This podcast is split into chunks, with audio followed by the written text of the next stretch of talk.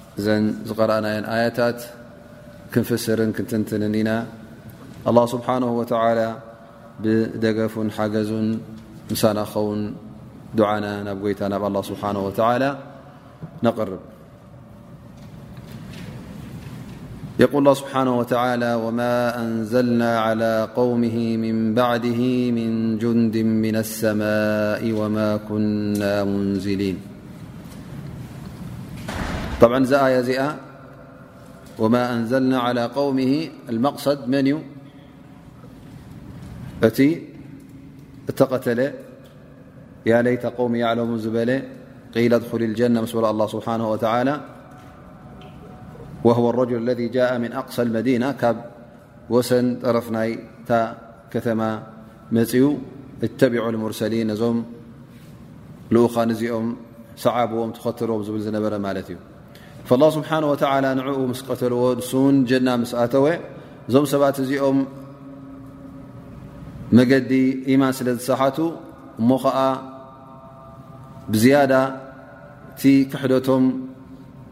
ንምርግጋፅ ነዚ ሓደ ካብኦም ነዚ ዝኣመነ ሰብ ምስ ቀተሉ ኣላ ስብሓን ወተላ እዞም ሰባት እዚኦም መቕፃዕቲ ኣብ ኣዱንያ ከም ዘውረደሎም እነሀ ይርእየና ኣሎ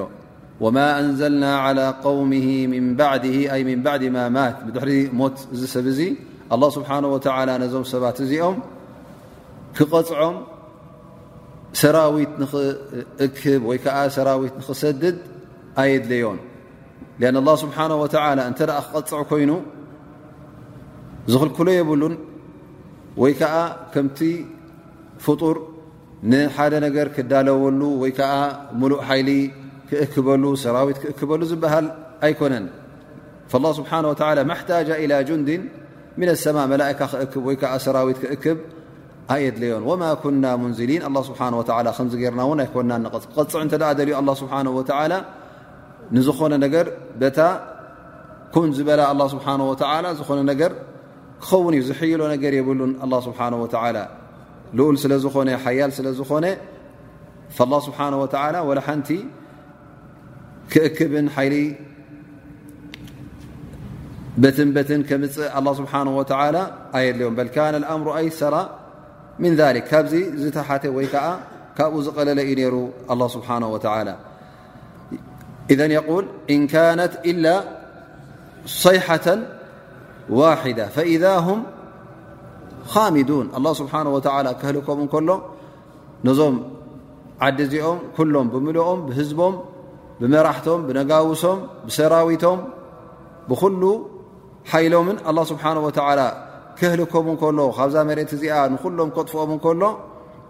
ብመንገሩ ጅብሪል ልኢኹ ጅብሪል ከ እንታይ እዩ ገይሩ ማለት እዩ ዓው ኣቢሉ ድምፂ ኣብታ ዓዲ ሓያል ድምፂ ምስ ኣድመፀ እንታይ ክኾኑ ኣለዎ ማለት እዩ እዚኦም ኩሎም ይመቱ ፈኢዛ ሁም ካሚዱን ኩሎም ከዓ ትንፋስ ዘይብሎም ሩሕ ዘይብሎም ኮይኖም ካሚዱን ብማዕና ቅሂሞም ማለት እዩ ኸመዳ ክትብል ከለኻ ዝኾነ ነገር ከመደ ዲናር ቃሉ ኣነ ጠፍአት ቂሂማ ማለት እዩ ላስ ሂወት የብላን ማለት እዩ ኣስባሑ ከኣነማ ካኑ የተሓረኩ ወ ሓንቲ ምንቅስቃስ ኣይረኣይን ካብኦም ማለት እዩ ኩሎም ቂሂሞም ጠፊኦም ማለት እዩ ሃ መዕና ወማ ኩና ስብሓ ወላ ብድሕሪኡ ሰራዊት ወይ ከዓ ወታደራት ኮይኑ ዝኾነ ይኹን ዓይነት ሓይሊ ከነውርድ ኣየድልየናን ኢነማ ካነት ሰይሓተ ዋዳ እያ ነራ ማለት እዩ ሓንቲ ድምፂ ካብ ጅብሪል ተላኢኹ ኣ ስብሓ ወ ልእኹ ምሰድ መፀላ ዛዓዲ እዚኣ ኩላ እንታይ ትኸውን ማለት እዩ ትበርስ ማለት እዩ ሃ መዕና ኣወል መዕና ኒ ካልኣይ ትርጉም ዝሃብሉ ወማ ኣንዘልና ዓላ ውም ምን ባዕድ ምን ጅንድ ም ሰማ ቃሉ ምን ጅንድ ም ሰማ ኣይ ምን ርሳላ ብድሕሪ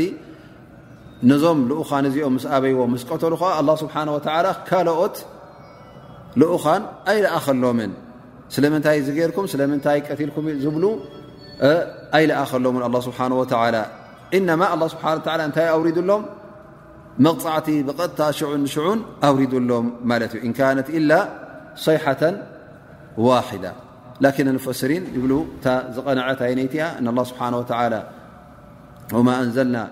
ዓላ ቆውሚ ምን ባዕድሂ ምን ጁንድን ዝበላ ኣይ ማ ኣርሰልና ኢለይህም ጅኑደን ሰራዊት ይኹን ወተሃደራት ይኹን ብኦም ጌርና የጥፋእናዮምን እንታይ ደኣ ክነጥፍኦም ከለና ብሓደ መላእካ ብድምፂ ናቱ ጌርና ንኹሎም ኣብሪስናዮም ዝብል ዘሎ ኣላ ስብሓን ወተላ ብዓ ከምቲ ኣብቲ ዝጠቐስናዮ እዛ ዓዲ እዚኣ እቶም ዕለማ ኣንጣክያ ትበሃል ዓዲኣ ነይራ ወይ ከዓ እቶም ተላእኩኸ ልኡኽ ናይ ሳ ድዮም ሮም ልኡኻ ናይ ሳ ድዮም ሮም ወይስ ልኡኻ ናይ ኣላ ስብሓን ወተላ ብ ኣብዚ ዑለማ ክል ዘረባ ወይ ከዓ ክልተ ቃል ስለ ዘሎ ነዛ ጉዳይ እዚኣ ብኒ ከር እዞም ልኡኻን እዚኦም ልኡኻን ናይ ኣላ ስብሓን ወተላ ከም ዝነበሩ ልኡኻን ናይ ሳ ኣይኮኑን ነሮም ዝብል ከምኡውን እዛ ነገር እዚኣ ክብል እንከለኹ መርትዖታት ኣለኒ ኢሉ ይጠቅስ ማለት እዩ ቀዳመይቲ እታ ዝጠቐሳ ይብል እዛ ዛንታ እዚኣ እንተ ርእናያ ኣላ ስብሓን ወተላ ክነግረና እንከሎ እዞም ሰባት እዚኦም ንሕና ካብ ዒሳ ተለኣኽና ኢና ዝብል መልእኽቲ ኣይተዛረቡን እንታይ ደኣ እሶም ልኡኻን ከም ምዃኖም እዮም ጠቒሶም ከምኡ ውን እቲ መልሲ ናይቶም ሰባት እንታይ ነይሩ ኢን ኣንቱም ኢላ በሸሩ ኢሎም ምሉና ፈለው ካኑ ልኡኻን ናይ ዒሳ ነሮም ዝኾኑ ከምዚ ኢሎም ኣይመለስሎምን ኣ ኣሰን ሰብ ዝለኣኾ እንታይ ክኸውን ሰብ ክኸውን እዩ ላኪን ጎይታ ዝመፅእ ፍልይ ዝበለ ክኸውን ኣለዎ ዝብል እዩ ዘረብኦም ሩ ፈኢ ሪሳላ ናቶም ኣላ ስብሓን ወተላ ክልእከም ከሎ ኣወለ እሶም ረቡና ያዕለሙ እና ኢለይኩም ለሙርሰሉን ኢሎም ተዛሪቦም ማለት እዩ እቲኦም ውን ክምልስሎም ከለዉ እቲ ዘረብኦም ኩሉ እተ ርእናዮ ካብ ጎይታ ብቐጥታ ከም ተላእኩ እዮም ዝሕብሩ ነሮም በር ካብ ዒሳ ብኒ መርም ከም ተላእኩ ኣይሓበሩን ማለት እዩ ከምኡ ውን እዛ ዓዲ እዚኣ ኣንጣክያ እያ ተባሂላ ተጠቐሰት እዚ ስም እዚ እንተ ርእናዮ ምስ ታሪክ እተ መዛዚናዮ እዛ ዓዲ እዚኣ ክትከውን ኣይትክእል ላ ስብሓ ወ ከምቲ ዝበልናዮ ኣይ ዘከረልናን ኣስለን ኣብዚ ኣያታት እዚ ተዓዲመን ከም ምኳና ወይከዓ ኣስማቶም ውን ኣይጠቐሰልናን ላኪን እቶም ሙፈስሪን ዝበልዎ እተ ርእና ውን እዛ ዓዲ እዚኣ ኣንጣክያ ኣብቲ ግዜ መሲሕ ዝነበረት ክትከውን ኣይትኽእልን እያ ذ መሲሕ ዝለኣኾም ዝተባህለት መሲሕ ክልእኮም ከሎ እዛ ኣንጣክያ ንገዛእ ርእሳ ካብተን መጀመርያ ዝኣመና ከተማታት እያ ነራ ስለዚ ዓዛብ ወሪድዋ ወይ ከዓ ስቓይ ወሪድዋ ክበሃል ብድሕሪ ሰይድና መሲሕ ኣይከኣልን እዩ ኣ እዚኣ ካብተን ክቡራት ከተማታት ኣብቲ ግዜ ብ ግዜ ናይ ክርስትና ስለ ዝነበረት ካብተን ከም በዓል እስከንደርያ ቆስጠንጢንያ ሩምያ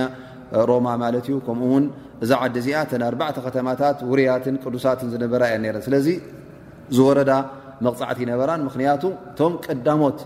ብዒሳ ዝኣመነት ከተማ እዚኣ ስለ ዝነበረት ስለዚ ከመይ ገይሩ ወሪድዎም መቕፃዕትን ኩሎም በሪሶም እንብሎ እዚ ነገር እዚ ክኸውን ኣይክእልን ይብል ማለት እዩ ከምኡ ውን እዛ ዛንታ እዚኣ ብድሕሪ ናይ መሲሕ እተ ሩ ኮይ ናይ ሳ ንመርም ሩ ዝኸውን እዚ መልእኽቲ እ ወይ ከዓ እዞም ልኡኻን እዚኦም ካብ ሳ ተላኢኾም ሮም ተዝኾኑ ይብል ኣንጣኪያ ንገዛ ርእሳ እተ ርእናዮ ብድሕሪ ተውራት ኣ ስብሓ ወ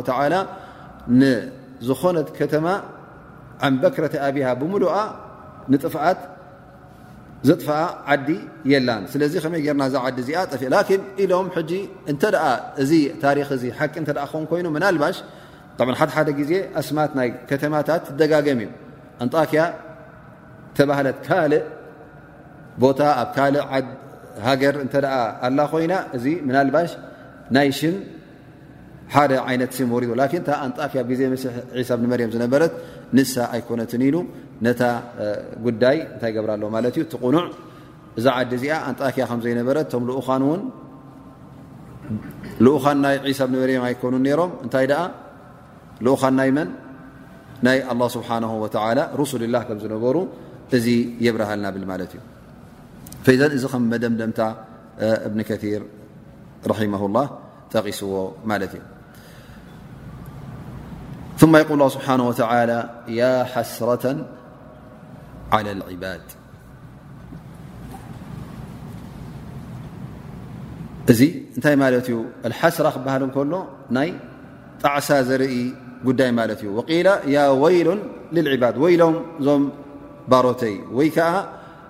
እዞም ባሮተይሲ ኩሎም እንታይ ክኾኑ እዮም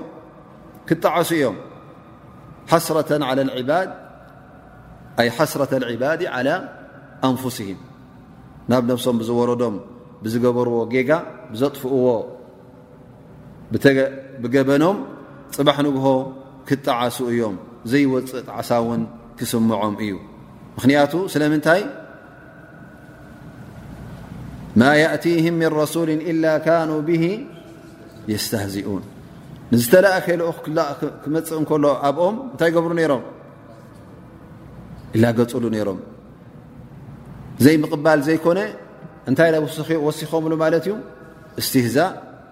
ላግጺ ወሲኾምሉ። እቲ ምንጻግ ነቲ ሓቂ ምእባይ እዚ ንበይኑ ገበን እዩ። ኣብ ርእሲኡ ላግጺ ክትላገጽ ከለኻ ላግጺ ክትውስኸሉ ከለኻ ከ እንታይ ይኸውን ኣሎ ማለት እዩ ድርብ ገበን ይኸውን ኣሎ ማለት እዩ። እንተ ተላጊጽካሉ ፈጺምካ ከም ዘይተኣምነሉ ኢኻ ትሰርሕ ዘለኻ ማለት እዩ። ፈልእስትህዛእ ንገዛእ ርእሱ ወላ እውን ብዝኾነ ይኹን ኣይኮነን በቶም ሩሱል በቶም ልኡኻን ኣላ ስብሓን ወተዓላ በቶም ክቡራት በቶም ምሩፃት ክትላገፅ እንከለኻ እዚ ንገዛእ ርእሱ ዓብ ክኸውን ከሎ ካብኡ ዝነኣሸ ነገር እውን እንተ ተላጊፅካሉ እዚ ንገዛእ ርእሱ እንታይ እዩ ክሕደት እዩ ስለዚ እዞም ሰባት እዚኦም ክሕደት ኣብ ርእሲ ክሕደት እዮም ወሲኾም ስለዚ እዚ ፅባሕ ንግሆ ኣብ ዮም ኣልቅያማ ነቲ ዓዛብ ነቲ ስቓይ ክሪኡ ከለዉ ክጣዓሱ እዮም ከመይ ጌርና ኢና ኣብዚ ጌጋ እዚ ኣብዚ ዓብ ጌጋ ወዲቕና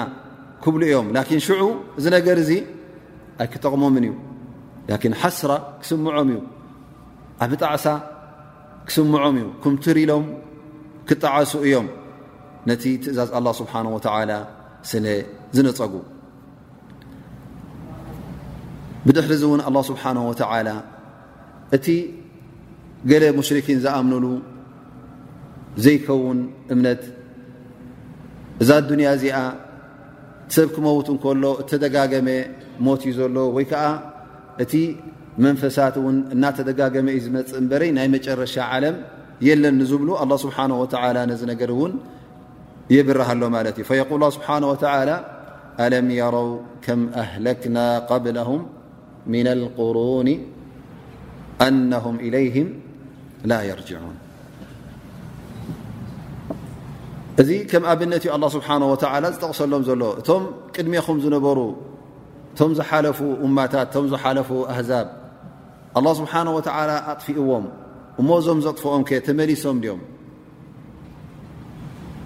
ገለ ሰባት እታይ ኣለ እታይ ሃል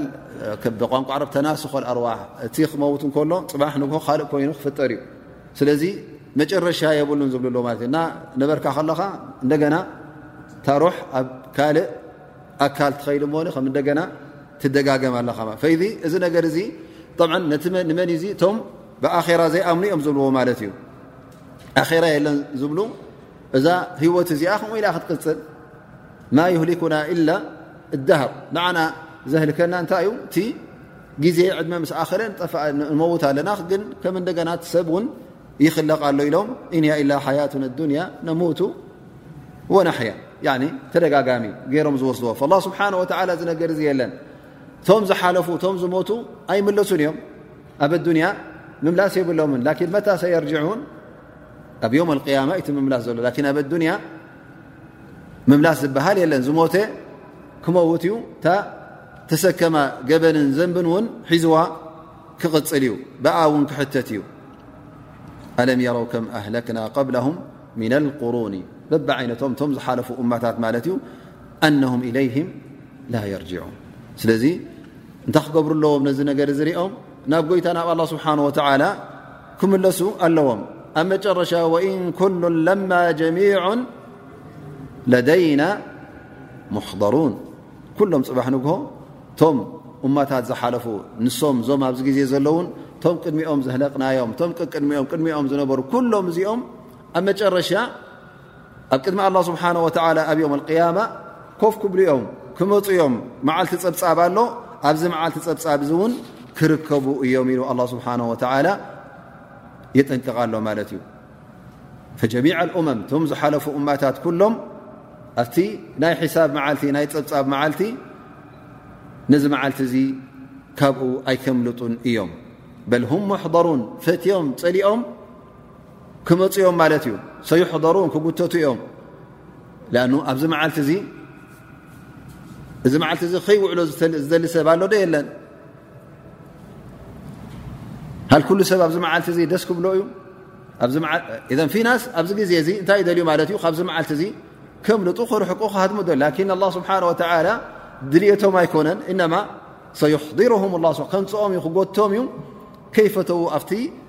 ቤት ፍርዲ ክቀርቡኦም ማለት እዩ ኣብ ቅድሚ ኣላ ስብሓን ወተላ ንክፍረዱ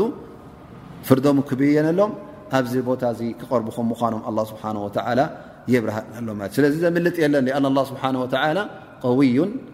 ዓዚዝ ሓያል ስለ ዝኾነ ፈፂሙ ውን ሓይሊ ኣላ ስብሓን ወተላ ዘርክብ ስለ ዘየለ እንታይ ኸውን ማለት እዩ እዞም ሰባት እዚኦም ኩሎም በቲ ትእዛዝ ኣላ ስብሓን ወተላ ክርከቡ እዮም ማ ኣላ ስብሓን ወተላ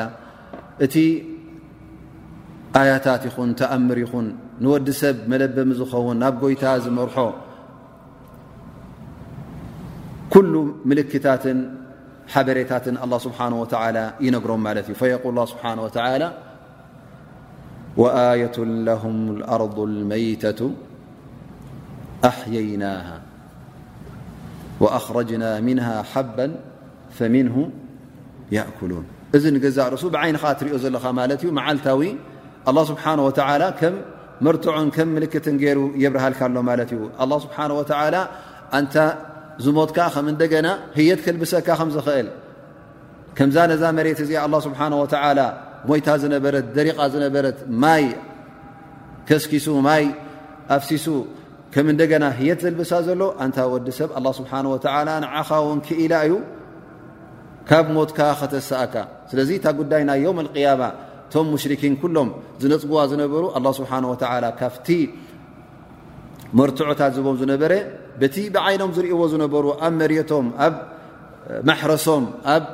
ኩሉ ንጥፈታቶም ዝርእዎ ዝነበሩ ብኡ ገይሩ ኣላ ስብሓን ወተላ ነዚ ጉዳይ እዚ የረጋግፀሎም ኣሎ ማለት እዩ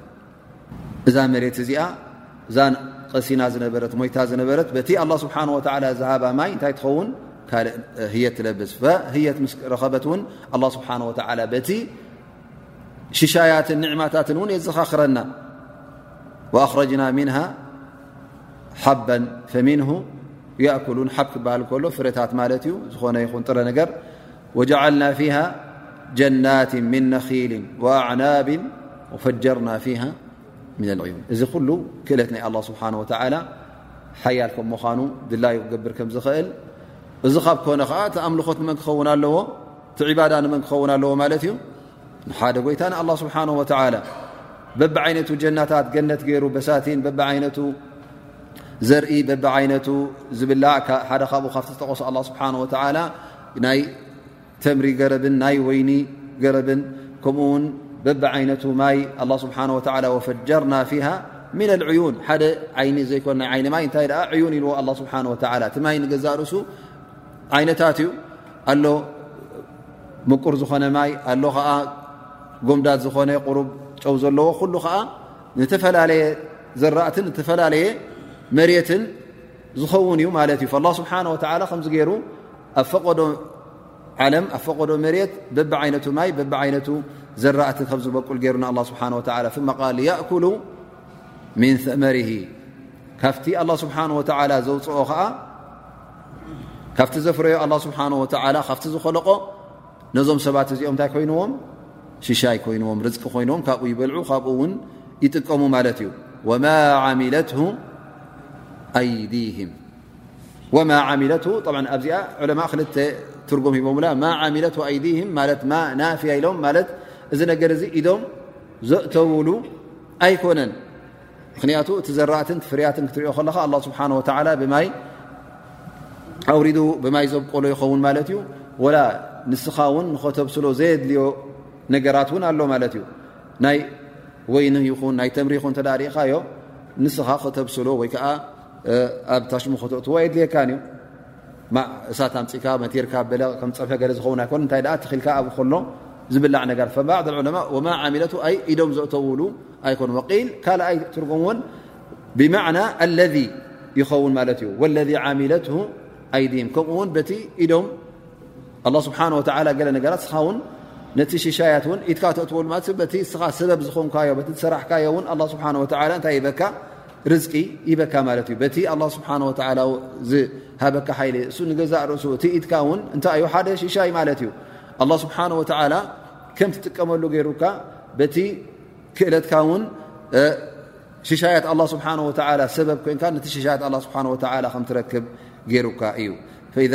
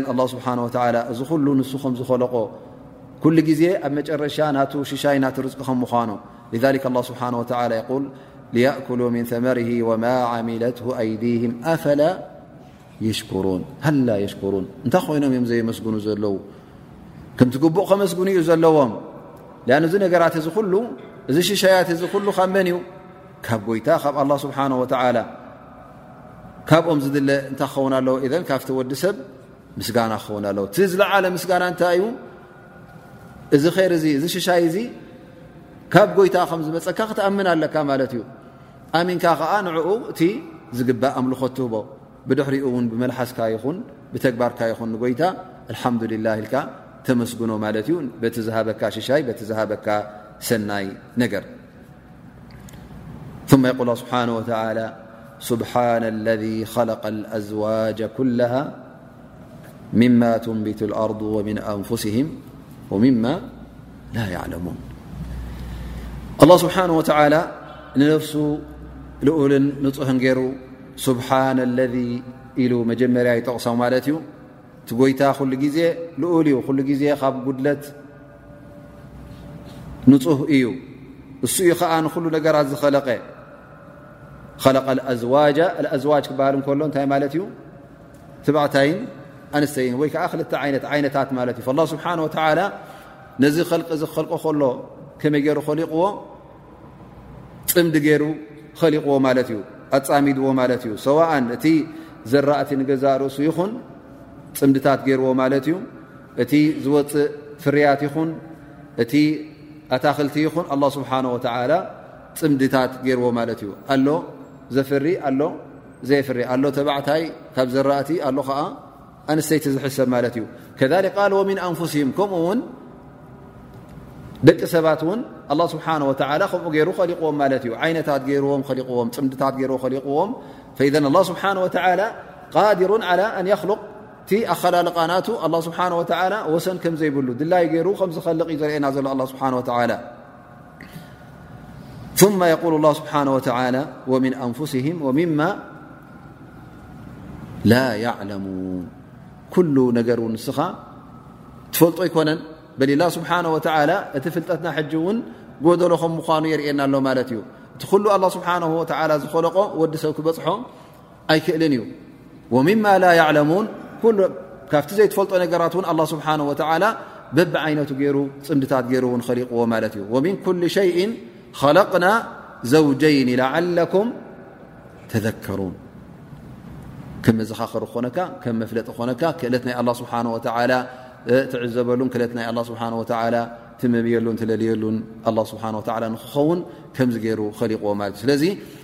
እስኻ ኣንታ ወዲ ሰብ በቲ ኣላ ስብሓን ወተላ ሂቡካ ዘሎ ኣእምሮ ነቲ ፍጥረት ኣላ ስብሓን ወተላ ጥራይ ርኢኻ ንኡ ክትዕዘብ ከለኻ ንኡ ክትምልከት ከለኻ እዚ ነገር እዚ እኹል ይንዓኻ ከዘኻኽረካ ናብ ጎይታ ንኽመልሰካ ናብ ሓቂ ንኽመልሰካ እኹል መርትዖን እኹል ጭብጠትን እዩ ዝብለካ ዘሎ ኣላ ስብሓን ወተላ ከምኡ ውን ኣላ ስብሓን ወተላ እቲ ኣያታት እናደጋገመ የዘኻኽር ኣሎ ማለት እዩ እቲ ትሪኦ ዘለኻ ትነብሮ ዘለኻ ኣብዛ ዱንያ ብዓይንኻ ትሪኦ ዘለኻ ፈየذክሩ ላ ስብሓን ወተላ ጉዳይ ናይ ለይትን መዓልትን ጉዳይ ናይ ፀሓይን ወርሕን ከዋኽብትን እዚ ነገራት እዚ መን እዩ መዚኑ ብቀይዲ ከም ዝቕፅል ከም ዝበርህ ከም ዝፀልምት ገይርዎ ዘሎ ስለምንታይ ዘይተሓዋወስ ለይቲ ምስ መዓልቲ ስለምንታይ ኩሉ ግዜ ብመስርዕ ዝኸይ ዘሎ መን ዩ ከምዚ ገይሩ ሰሪዕዎ ዘሎ ፈጣሪ ስለ ዘሎ ዩ ወይስ ባዕሉ ዩ ከምኡ ባዕሉ እታ ፀሓይ ባዕላ እታ ወርሒ ባዕላ እቲ ለይቲ ባዕሉ እቲ መዓልቲ ባዕሉ ይመፅእ ኣሎ ወይስ ነዚ ነገር እዚ ዝቀየደሎ ስብሓ ወ ኣየት ለይል ነስለኹ ምንሁ ነሃር ፈኢዛ ሁም ሙظሊሙን ኣላ ስብሓን ወተዓላ እቲ ናይ ጸላም ለይቲ ክመፅ እንከሉ ንገዛእ ርሱ እስኻ ከም ኣያ ከም ሓደ ዓብይ ምልክት ዓብይ ተኣምር ጌርካ ክትወስዶ ኣለካ ማለት እዩ ከመይ ገይሩ እዩ እዚ ለይቲ ፀልማት እዚ ነቲ ብርሃን ተዘቂቑ እቲ ፀልማት ዝሽፍን ዘሎ ፈኢዛ ሁም ሙظሊሙን ኣላ ስብሓን ወተዓላ ቅልጥ ኣቢሉ ነቲ ብርሃን ይወስዶ ማለት እዩ እንታይ ይተርፍ ዝዓለም እዚኣ እንታይ ትኸውን ትጽልምት ጸልማት ትኸውን ማለት እዩ እዚ ናይ መን ክእለት እዩ ናይ ጎይታ ናይ ኣላ ስብሓን ወተላ ከምኡ ውን እታ ፀሓይ ትርኣ ኣለኻ እታ ብርሃን መዓልቲ ትበካ ወሸምሱ ተጅሪ ሙስተቀሪ ለሃ ሊከ ተቅዲሩ ዓዚዝ ዓሊም እዛ ፀሓይ ውን እዛ ትርኣ ዘለኻ ፀሓይ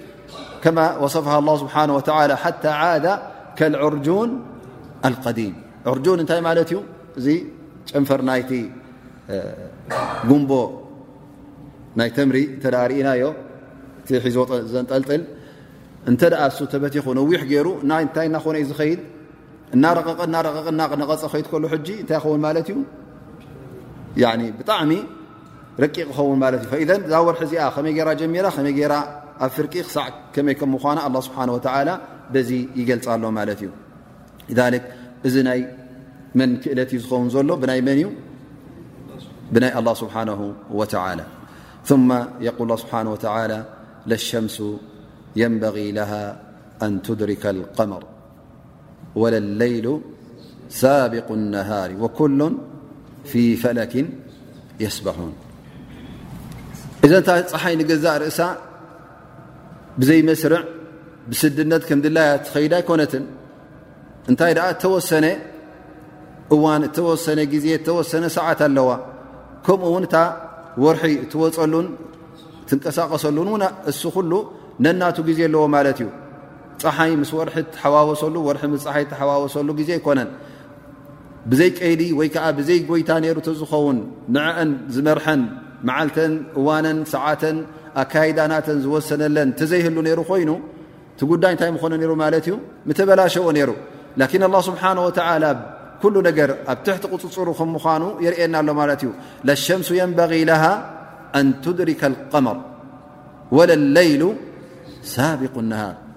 ለይቲ ኣብ እዋኑ እዩ ዝመፅእ ቀትሪ ከዓ ኣብ እዋኑ ክልተ ለይቲ ተደራሪቡ ለይቲ ነርካ እንደገና ኣብ ለይቲ ተኣቱን ኢኻ እንታይ ደኣ ለይቲ ተወዲኡ ናብ ምንታይ ካ ትሓልፍ ማለት እዩ ናብ መዓልቲ መዓልቲ ነይሩ ከዓ ናብ ለይቲ ትሓልፍ ማለት እዩ እዚ ነገር እዚ እዚ ኣብ መፃፅኣ እዚ ብናይ መን እዩ ተገይሩ ብናይ ኣላ ስብሓን ወተላ ክእለትን ብናይ ኣላ ስብሓን ወተላ ሓይልን እዩ ተገይርዎ ኩሉም ፊ ፈለኪን የስበሑን እታ ፀሓይ ትኹን እታ ወርሒ ትኹን ብናይ መን ምንቅስቃሳት እያ ትንቀሳቀስ ዘላ ብኣላ ስብሓ ወላ ኣበይ ናይ ቦታ ኣብቲ ኣላ ስብሓ ወላ ዝወሰነላ እውን ኣብዚ ኣድማስ እዚ